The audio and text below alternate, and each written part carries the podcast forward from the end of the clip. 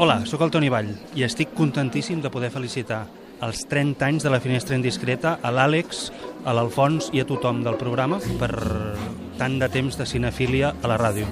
Jo escoltava fa molts, molts i molts anys des d'una galàxia molt llunyana. El cinema i Catalunya Ràdio de festa. 30 anys de la Finestra Indiscreta.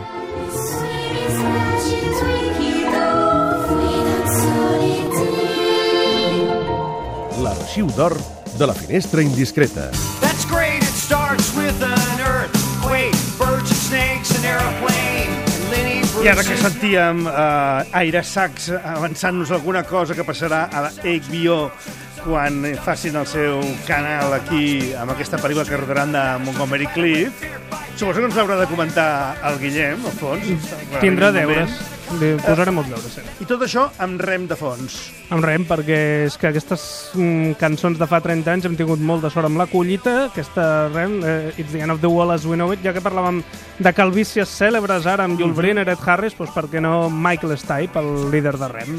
Vols dir que Michael Stipe va perdre el cabell alguna vegada que un critter se'l va menjar sortint de l'aigua? Home, és bastant alienígena, eh? I tenia una forma de ballar bastant peculiar, però era un espectacle, realment. Sí. Amigues i amics, ha arribat el moment de recuperar els testimonis d'aquell temps en què la finestra indiscreta va néixer i després va créixer, però abans d'entrar en les veus del passat del nostre arxiu d'or, del record d'or de l'Alfons surt una nova dada.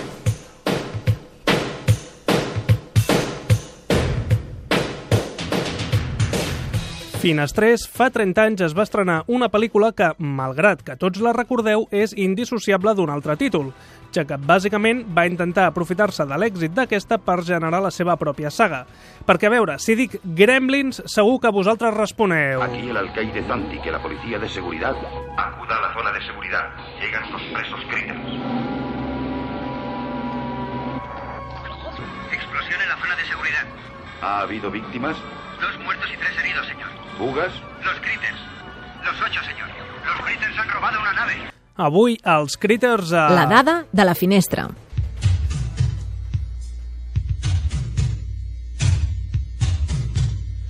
L'actor Terrence Mann, que interpretava el caça-recompenses Hook i el cantant Johnny Steele, va composar especialment per a la pel·lícula el tema Power of the Night, aquest que esteu escoltant ara.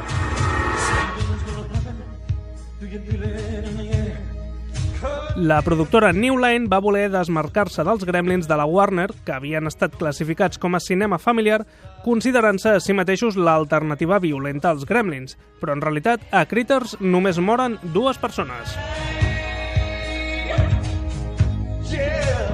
Curiosament, existeixen dos finals diferents per a la pel·lícula. El final feliç familiar i el final que mostra els ous de Critters amagats a la granja que deixava oberta l'opció de fer seqüeles, com va acabar succeint.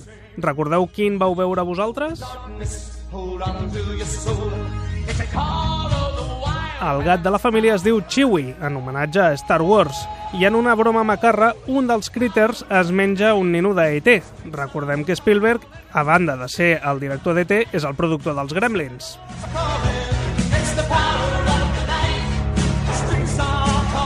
Aquesta mateixa broma pot ser considerada un homenatge, ja que l'actriu Dee Wallace interpretava a la mare de la família a Critters, però és que també era la mare d'Eliot a E.T.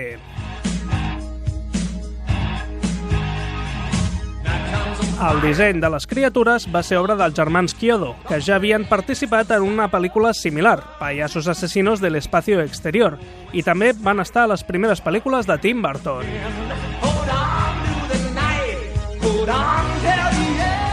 Corey Barton posava la veu als Critters. Va dir que parlen una barreja de francès i japonès.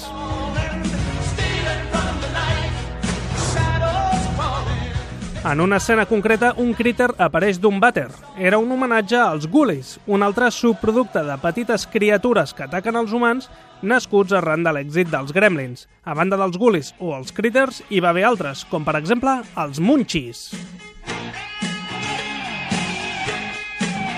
Al Festival de Sitges vaig parlar amb Mick Garris, director de la segona part de Critters, i li vaig preguntar això.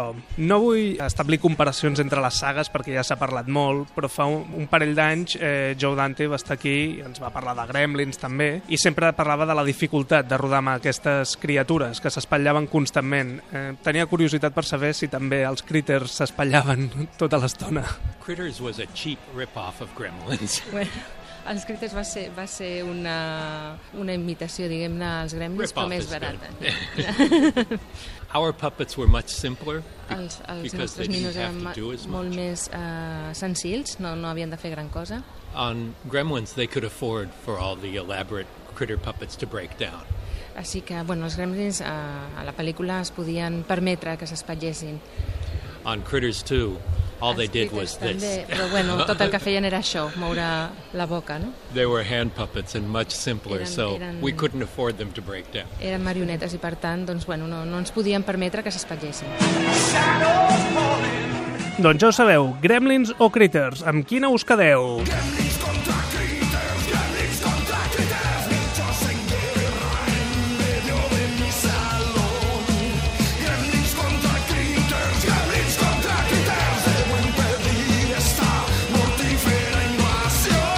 Perdona, has aconseguit que algú et faci una cançó expressament per aquesta dada de la finestra indiscreta? No, no, no, ho vaig buscar, ho vaig trobar per casualitat a- Existeix una cançó. Gremlins contra Gremlins contra Critters, Critters, i a més a més, mira, em sap molt greu perquè no tinc apuntat al grup. Ara, d'aquí una estona t'ho diré, perquè es Sí? deien los mm, lotozombis o alguna cosa així raríssima. Oh! I, sí, sí, ara ho buscarem. Estem rescatant del passat coses absolutament abominables i admirables simultàniament. Gremlins contra Critters. Per cert, eh, els Critters eren la versió barata, és veritat, cutre, dels Gremlins, però Joan Lluís Goas es va quedar amb un Critter original que va portar Mick Garris al Festival de Sitges i encara el deu tenir pelut i brut a casa seva, sí, sí, m'imagino. eh? I el Mick Garres ho recordava. Sí, sí. Bé, doncs, escolta, ha estat el primer eh, tram d'aquest arxiu d'or de la finestra indiscreta que ara se'n va cap a França, perquè serà avui un arxiu molt francès per diverses raons, començant pel Premi Lumière que s'ha concedit a Catherine Deneuve per primera vegada a una dona el que vol ser el Gran Premi d'Honor de la Cinematografia francesa, que es fa a Lyon, allà on van rodar la primera pel·lícula de la història. I nosaltres el que fem ara és recuperar la veu de Catherine Deneuve en tres de les intervencions que va fer al llarg de la història de la finestra indiscreta parlant a preguntes meves una vegada de Buñuel, una altra vegada sobre la crítica i finalment sobre la seva participació a Bailar en la oscuridad de Lars von Trier. C'est un cinéaste très particulier. Va ser un cineasta molt euh, particular, que sempre va intentar entendre la vida a partir del cinema i de la seva visió de les coses. Era un home amb un gran sentit de l'humor, però que mai vaig arribar a conèixer bé. Quan vam rodar Tristan a Espanya vaig estar més a prop d'ell, però crec que són els guionistes o la gent del seu entorn qui el coneixien millor. Era molt difícil conèixer Buñuel, era un home molt secret. Un homme très secret. Sí, m'han criticada. En fi, la gent que em coneix bé i que m'estima de debò me n'ha fet de crítiques. No parlo de crítics de cinema, parlo de la gent que et coneix bé I trobo que les crítiques són molt útils. euh, Els elogis t'agraden, és clar, de tant en tant, però és molt més fàcil fer un compliment que una crítica, i les crítiques són sovint molt útils perquè et permeten... En fi, no et canvien tota, però permeten canviar algunes coses i refer-les. Sí, et permet progressar gràcies a les crítiques. És la primera vegada que he rodat en anglès, improvisant, i la primera vegada que he rodat en vídeo. I m'ha agradat molt l'experiència. Perquè, a més, era rodar amb Lars von Trier, que m'agrada molt, les seves pel·lícules i el seu univers. Era una cosa molt, molt estimulant. Quan ja has fet moltes pel·lícules és difícil viure experiències molt noves. I a més, els nòrdics és que són molt allunyats de nosaltres, els llatins, així que... Le plaisir de la France à la fenêtre indiscrète. Ah, Alfons, ja saps el nom del grup dels Gremlins contra Critters? Sí, que consti que m'ho ha xivat el, el Fidalgo. És Motor Zombies, això, no me'n recordava. Però vaja, busqueu, busqueu, els trobareu, eh? YouTube, i suposo que trobaran alguna cosa. qualsevol cosa es pot trobar avui en dia a internet, afortunadament. Doncs com a segona aportació dels arxius d'or de la Finestra Indiscreta i sense deixar França, Pierre Eté. Eh, recordeu Le Havre, la pel·lícula de Kika Kaurismäki? Doncs encara sortia fent d'actor en el paper del doctor Becker. La cosa és que va morir ara fa uns dies, el dia 14 als 87 anys, i havia guanyat l'Oscar al millor curtmetratge l'any 63 amb una pel·lícula que es deia Feliç aniversari. Sortia a Henry and June, de Philip Kaufman, de la que acabem de parlar ara fa una estona amb el Fausto Fernández. És el director de pel·lícules d'humor com El pretendiente, Yo-Yo, Mientras haya salud, El gran amor eh, o Le cauchemar de Méliès. Amigues i amics, eh, Pierre Eté va ser la finestra indiscreta l'any 2002 i avui li fem l'homenatge recuperant part d'aquella entrevista. Monsieur Été, soyez les bienvenus. Merci de nous accompagner quelques minutes ici au programme. Merci a vous. Primer de tot, eh, que bonic que puguem veure les seves pel·lícules a la Filmoteca coincidint evidentment, amb el Festival de Pallassos i que també coincideixi amb les projeccions de pel·lícules de Charlie Rivel. Eh, vostès van coincidir mm, tant en el, en el circ com en el cinema i és bonic, tants anys després, poder-lo, en certa manera, encara trobar-los junts.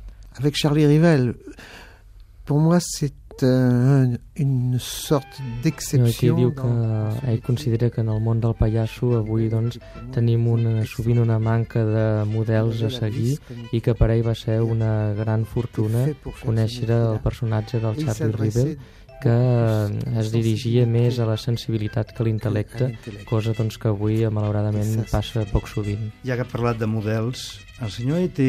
i el seu cinema per mi són eh, també gairebé una última eh, generació d'una època, i estic parlant de Buster Keaton, de Harry Langdon, de Laurel i Hardy, però molt especialment Buster Keaton, que eh, pràcticament el podem considerar un net germà d'aquella poètica de l'humor i d'aquella poètica, aquell punt de vista del, de la vida, no? Oui, là encore, euh, Buster Keaton a été pour moi un, un grand modèle et, et il le restera toujours. Sur le- Encara una le vegada més, eh, architectural Buster Keaton de el que image. representa on és el personatge que de malauradament eh, Oh, s'ha caigut massa sovint en el tòpic de veure'l com un eh, personatge massa construït o dir que és molt geomètric, eh, fins i tot eh, simètric, però el que era important en Buster Keaton era que amb molt pocs recursos expressava un màxim de sentiments, una cosa que avui, desgraciadament, s'intenta especificitar tot eh, fins a l'últim detall. Per cert, que, com incís, eh, quina va ser exactament la seva contribució a la pel·lícula Mon oncle? I és veritat que una vegada Godard li va demanar fer crear uns gags per la pel·lícula Pierrot, Pierrot le Fou? Oui, c'est vrai. C'est vrai, j'ai rencontré Godard à Cannes euh, l'année où j'ai présenté Yo-Yo. Ja vaig trobar el senyor Godard a Cannes quan vaig presentar la pel·lícula Yo-Yo i és cert que en aquest moment doncs, va demanar-me de preparar un gag per una seqüència amb Belmondo però eh, de fet això es va quedar aquí. Després eh, no vaig retrobar més a Godard i de fet eh, crec que el seu mètode de treball la seva manera de treball està totalment a l'oposat del meu sistema, de la meva metodologia i eh, de la, fins i tot de la manera en què jo concebeixo el cinematògraf. Crec que és massa elaborat per mi el que ell fa. I pel que fa a Mon oncle, eh, vostè, vostè eh, què pensa del cinema de Jacques Tati? A banda del que li havia preguntat abans. Lorsque j'ai rencontré Jacques Tati, c'était pour lui parler d'un Jo numéro. eh, vaig, vaig anar cap al... Em vaig dirigir al senyor Tatí en un moment en què volia consultar-li eh, coses sobre el meu treball en el circ. El, de fet, els meus eh, dibuixos còmics li van interessar, bé, dibuixos que deien que eren còmics, i va ser així que vàrem començar a treballar ell i jo junts. El que li interessava, m'interessava molt i de fet era, sempre he estat un gran admirador del senyor Tatí, però vaig decidir eh, sortir del seu equip perquè desitjava fer d'altres coses. Jo volia dirigir-me cap al Music Hall, però el- d'ell vaig aprendre en definitiva el gust per al cinema i sobretot un mètode de treball. parlant del seu cinema, del seu món, del seu mètode de treball. Vull relacionar dues coses. A mi, les pel·lícules que conec del senyor Pierrette em semblen d'una delicadesa extraordinària mm, i gairebé d'una fragilitat extraordinària. Eh, podria fins i tot estar relacionat tot això amb l'època en què va treballar com a eh, artesà del, del vidre i per tant amb el senyor, Hau, un senyor que es deia Hausen eh, aquell, aquell treball amb el vidre tan fràgil pot tenir alguna cosa a veure en el fons Je sais pas, pour moi, j'ai jamais dissocié les différentes activités que j'ai pu avoir. Tout a été Eh, complémentaire. crec que sempre m'ha interessat tot tipus de tècniques i fins i tot eh, he cregut doncs, que d'una disciplina es pot aprendre de l'altra, per exemple com la música, que m'ha interessat molt també, però eh, de fet sempre eh, he tingut un únic objectiu i era finalment doncs, de poder divertir els altres a, a, a través de tot aquest tipus de tècniques que he anat aprenent. que, à mon avis, se Justament aquí on es situa la fragilitat de la dificultat de fer riure. Una de les obres que més m'agraden del senyor E.T., de tot el que jo conec del senyor E.T., no és una pel·lícula, és un dibuix. És un dibuix del Sant Sopar amb eh, tots els grans còmics clàssics del cinema americà. Eh, com se li va ocórrer la idea?